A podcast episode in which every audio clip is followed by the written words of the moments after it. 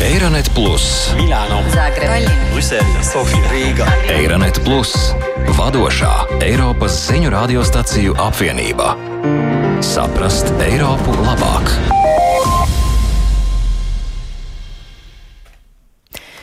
Paradoxālā kārtā arī digitalizācijas jautājumos Eiropas Savienība daudz mācās no kara Ukrainā. To radiostaciju apvienības Eironet Plus rīkotā samitā sacīja Eiropas komisijas izpildvietniece konkurences komisāre Margrēta Vestagere. Viņa uzsvēra, ka Eiropas Savienība joprojām cenšas izveidot īstu digitālo vienoto tirgu, tomēr ir vēl gana darāmā. Tostarp jāveicina bloka pilsoņus daudz vairāk iesaistīt piedalīties digitālo zināšanu apguvē.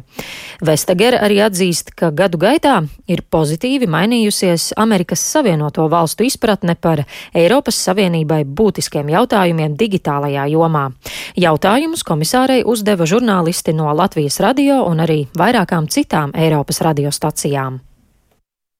At least in Estonia, it seems uh, really, really strange to send documents. Mums Igaunijā tiešām šķiet dīvaini sūtīt noformēšanai uz papīra parakstītus dokumentus, un vēl dīvaināk 2022. gadā ir glabāt uz rakstām galda zīmogu, ko lietojam tikai uz papīriem, kas tiek nosūtīti tikai uz Maskavu vai Briseli.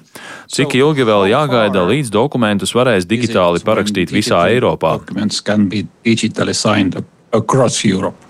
Very concrete question about Yes, a very concrete, but also I think very good question. Sort of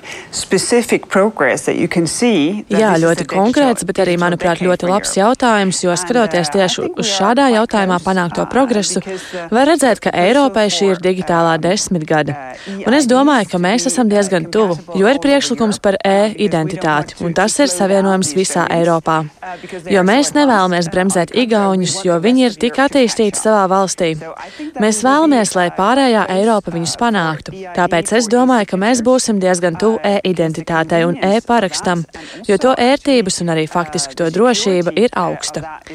Trešais piemērs, kur esam iesnieguši priekšlikumu, ir e-veselībā, lai pacientiem būtu savi dati, veselības dati.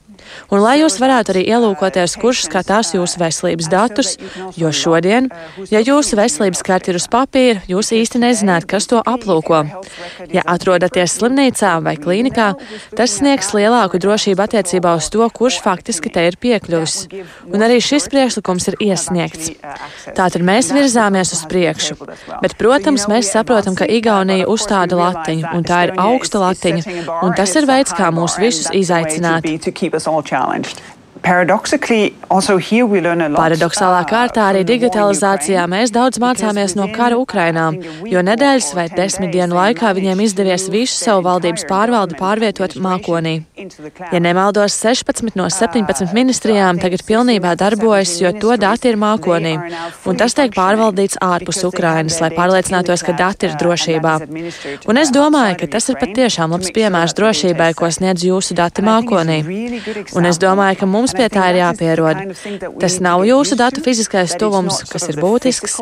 Tā ir iespēja tiem piekļūt un zināt, ka veids, kādā dati tiek glabāti, ir absolūti drošs.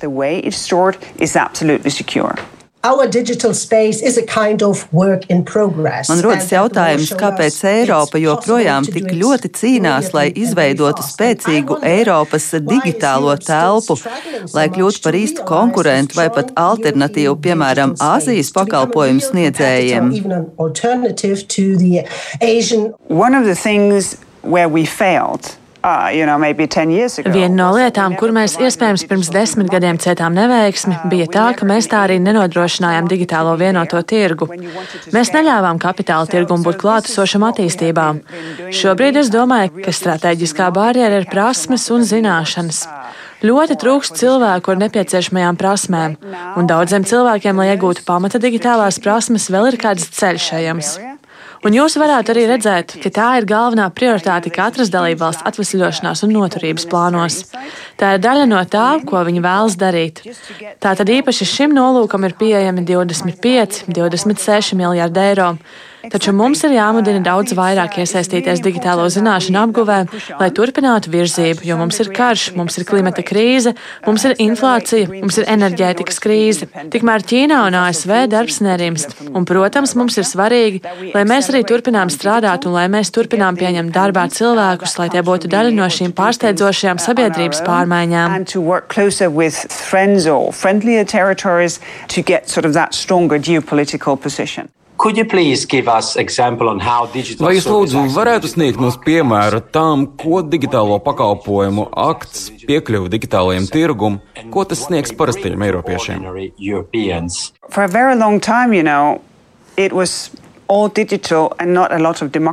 Es teiktu, ka ļoti ilgu laiku viss bija digitāls, bet nebija daudz demokrātijas.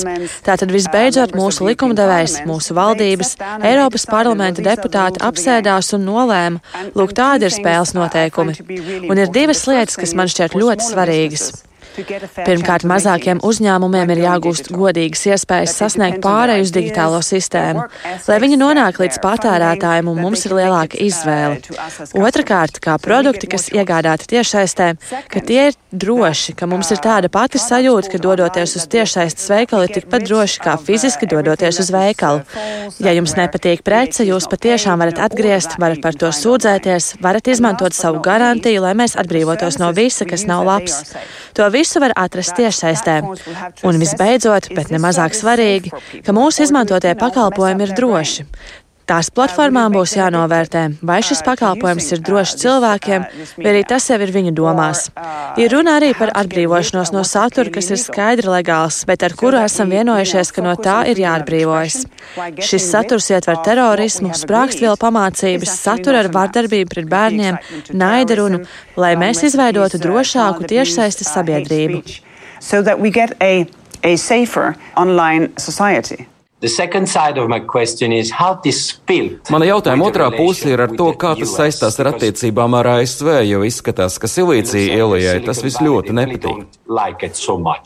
No, I think that's a really good point uh, because when I when I started in the job as commissioner for competition. Manuprāt, tā ir patiešām laba piezīme, jo, kad es pirms septiņiem gadiem sāku strādāt par konkurences komisāru un atvēru pirmo Google lietu, Kad es ceļoju uz ASV, man bija tāda sajūta, ka viņi saka, ko tā sieviete dara. Trakas lietas. Tagad tas ir ļoti mainījies. Ir viedoklis, ka kaut kas ir jādara.